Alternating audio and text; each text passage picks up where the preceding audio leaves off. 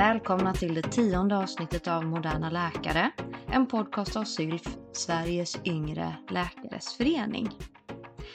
Idag så ska vi prata om föräldraledighet, ett ämne som jag själv tycker är rätt så svårt och snårigt, som regleras utav flera olika lagstiftningar och även i kollektivavtalet. Dagens gäst är SYLFs ordförande Robert Holmqvist och jag som håller i intervjun och podden heter Julia Borg och är chefredaktör för Moderna Läkare och ledamot i SYLF. Men vad säger du Robert? Är det här piece of cake eller tycker du också att det är snårigt? Det är en djungel, helt klart. Eh, jag har själv två små barn, eh, två och fyra år gamla. Och eh, har varit föräldraledig i två omgångar. Varmt den senaste gången var under förra året när jag var ledig från nyår fram till och med augusti. Mm. När man var föräldraledig första gången så var det verkligen en djungel att förstå och ta sig igenom.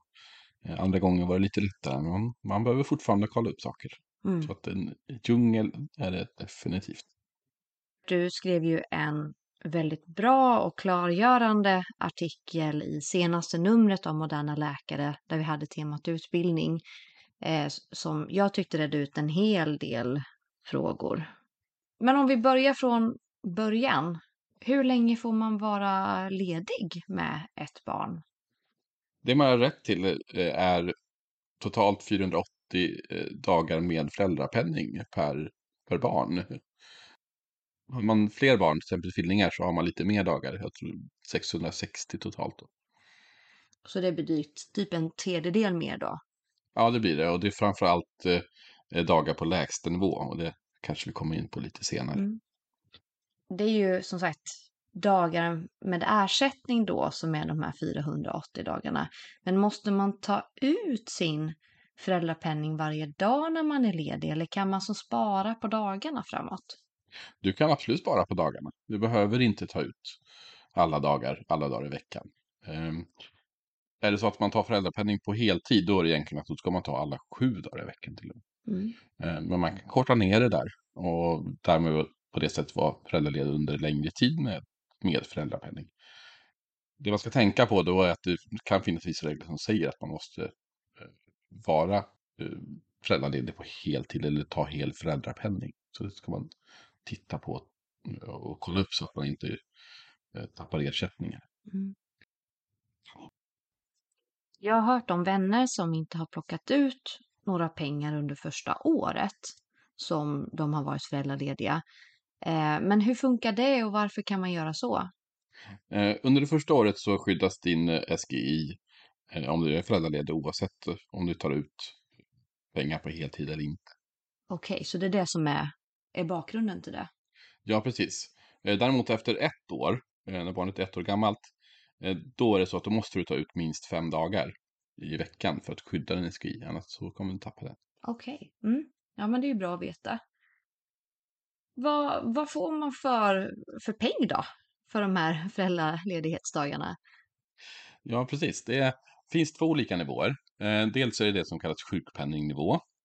Eh, och så finns det också en lägsta nivå.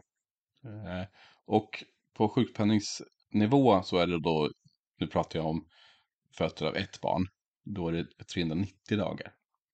Och den lägsta nivån det är 90 dagar totalt.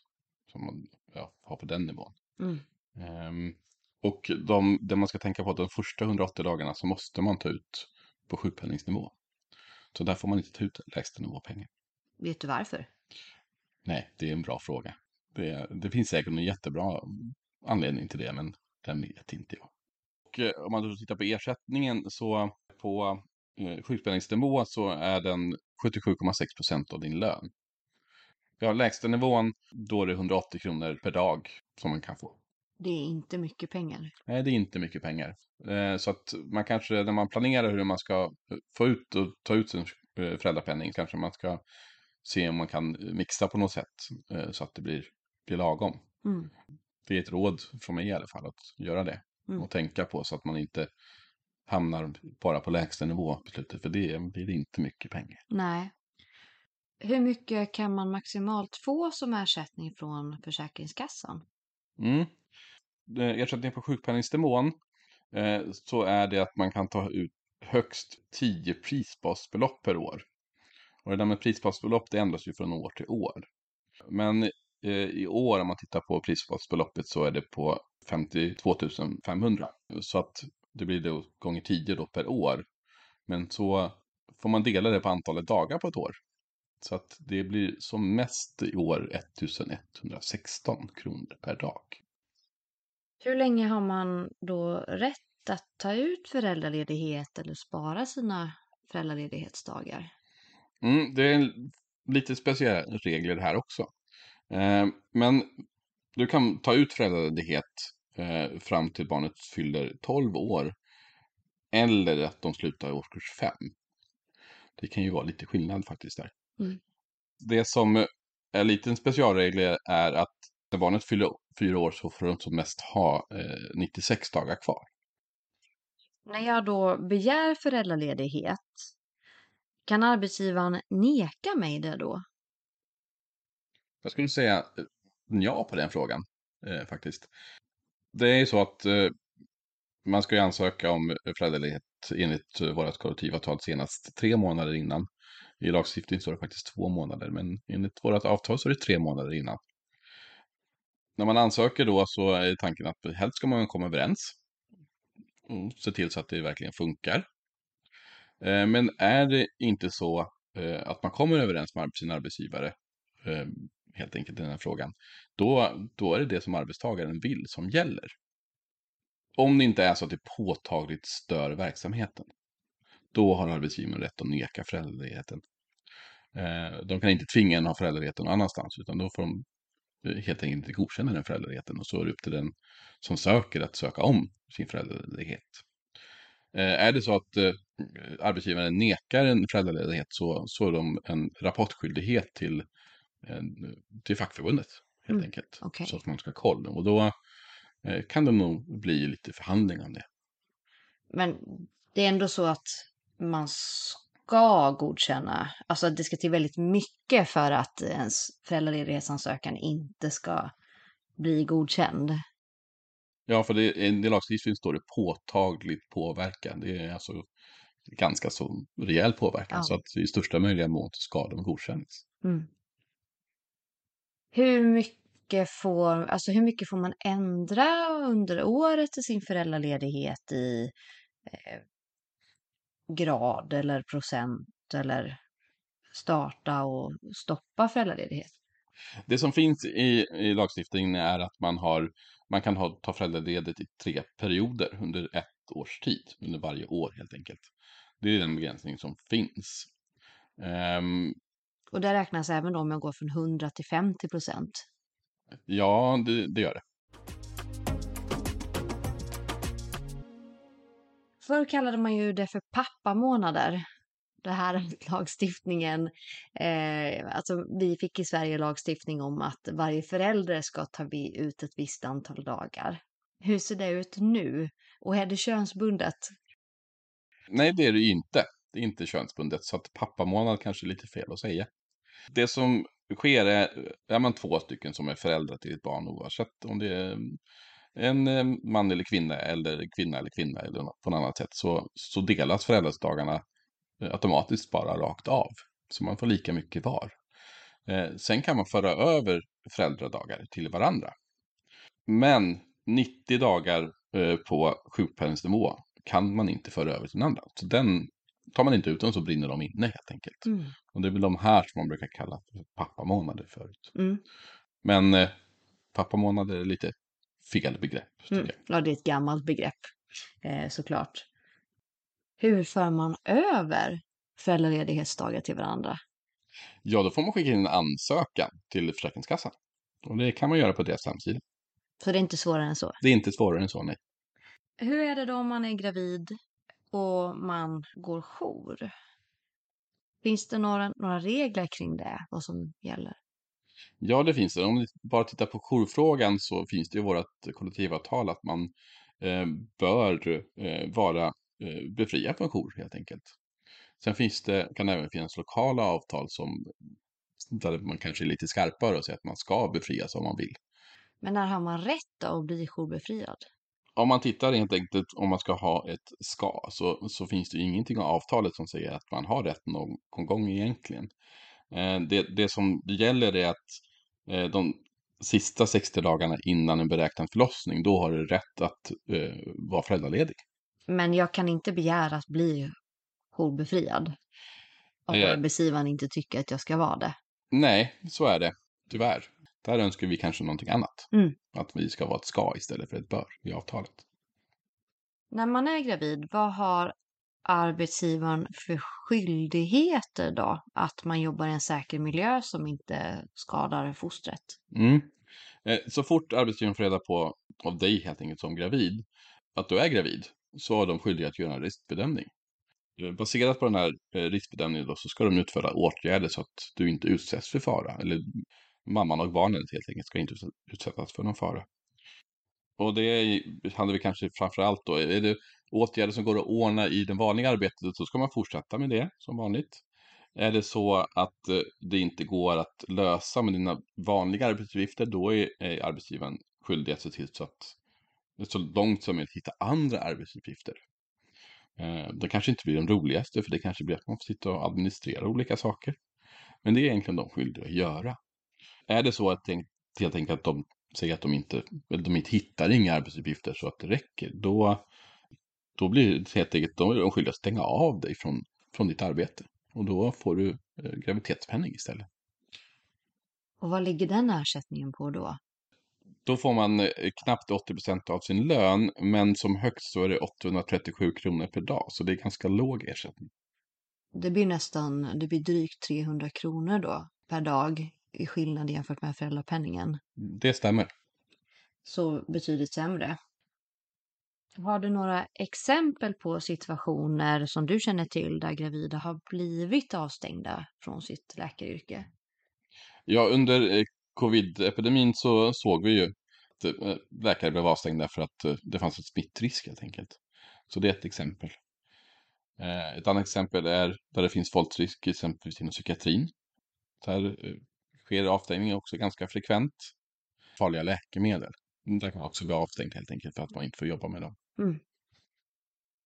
Om vi ska gå vidare på det som då är lite mer avancerat. Nu har vi ju gått igenom grunden egentligen Mm. för vad som gäller för föräldraledighet. Och nu, nu får vi hålla tungan rätt i mun. Det finns ju någonting som heter föräldrapenningstillägg. Ja, precis. Så det där är i vårat eh, kollektivavtal för eh, oss som är kommunal och regionsanställda.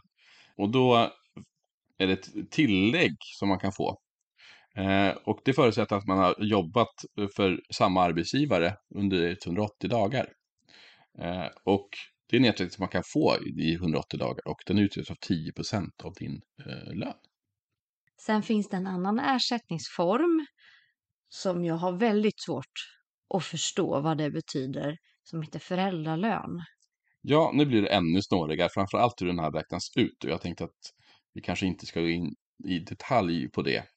Men det handlar om att man har en lön som är över 83,33 procent av ett prisbasbelopp. Och i år så kommer motsvara det knappt 44 000. Så att om du har en månadslön som ligger över knappt 44 000 så har du eh, rätt till en föräldralön om du har jobbat för en offentlig arbetsgivare i minst 180 dagar.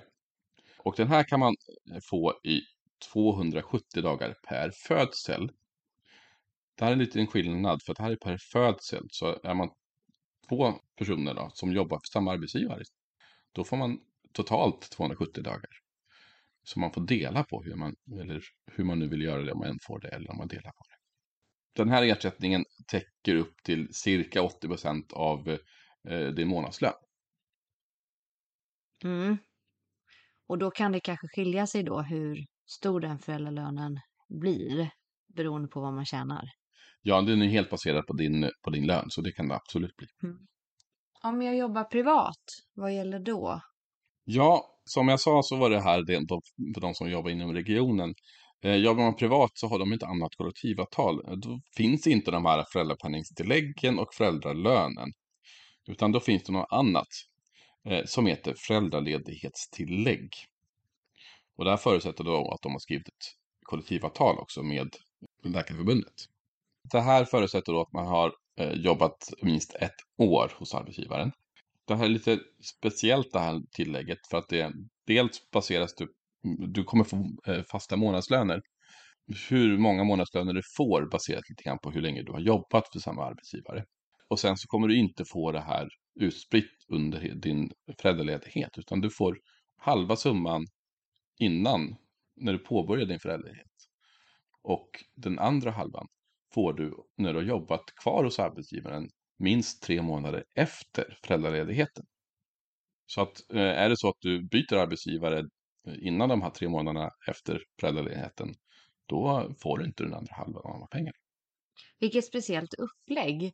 Just för att man ändå får en lägre ersättning när man är föräldraledig så tänker man ju att man hade velat ha pengarna kontinuerligt och framförallt inte efteråt.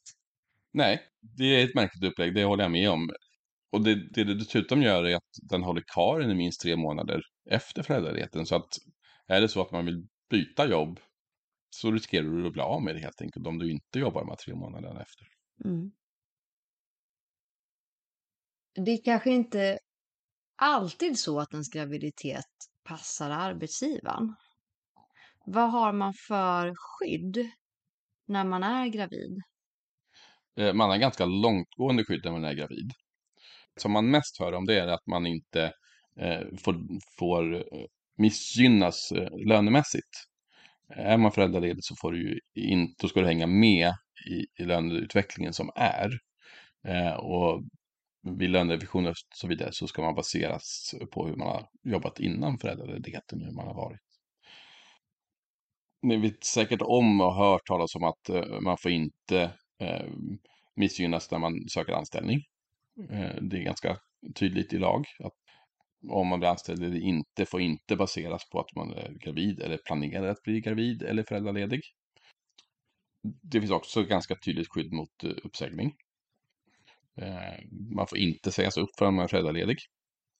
Eh, man får inte heller sägas upp för att man använder de regler som finns om förkortad arbetstid exempelvis under föräldraledighet.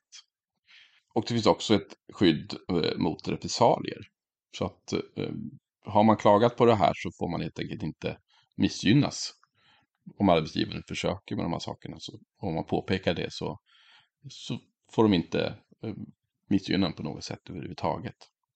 Och är det så att man skulle bli uppsagd på grund av att man är gravid eller föräldraledig, då, eh, då ska den uppsägningen helt enkelt ogiltigförklaras. Så, det, så får man inte göra.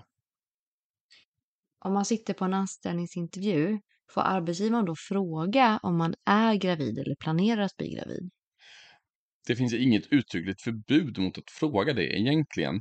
Men samtidigt så finns det ganska tydliga eh, i lagtext att man inte får missgynna om man då eh, är gravid, planerar att bli gravid, planerar att bli föräldraledig. Så varför då ens fråga när man inte får ta hänsyn till det? Och eh, jag skulle råda alla som får den intervjun att just säga det. Varför ska ni ställa den frågan när ni inte ens får eh, ta in med i beräkningen om jag ska få jobbet eller inte? Mm. Så man ska inte känna sig pressad att svara? Nej, eh, för att där går det här skyddet mot repressalier in också. Är det så att de ställer frågan och du inte svarar, då får de egentligen inte missgynna dig på något sätt av den anledningen heller. Mm. Okej, ja, men det är jättebra att veta, för det är säkert en sån sak som emellanåt kan dyka upp när man söker jobb. Absolut, men jag tycker verkligen inte man ska svara på den frågan för att den ska inte spela någon som helst roll i anställningsförfarandet. När barnet sen är lite äldre och man återgår till jobbet, finns det något som kan vara bra att veta då som gäller? Det gör det. Eh, någonting som är ganska vanligt när man går tillbaka till arbetet, barnen ska börja på förskolan, eh, det blir långa dagar för barnen på förskolan. Av den anledningen är det många som går ner i arbetstid. Eh, man har rätt att gå ner i arbetstid till 25 procent efter sin eh, föräldraledighet. Hur långt upp i ålder då? Ja, den här regeln gäller upp till att barnet antingen fyller åtta år eller att den har slutat eh, årskurs ett på grundskolan. Och finns det någon regel där att man måste eh, förkorta sin arbetsdag lika varje dag eller ta ut en hel dag per vecka då till exempel? Nej, eh, här är faktiskt arbetstagaren ganska mycket att säga till om. Eh, det som gäller är här eh, återigen att man ska göra det i samråd och försöka komma överens eh, så att båda arbetstagare och arbetsgivare är nöjda med den planeringen. Är det så att man inte är överens, då är det det som arbetstagaren, hur den vill ha det, som, som gäller. Med förutsättning att det inte påverkar verksamheten allt för mycket. Tack så jättemycket Robert för att du kom till podden och hjälpte oss att reda ut de här frågorna.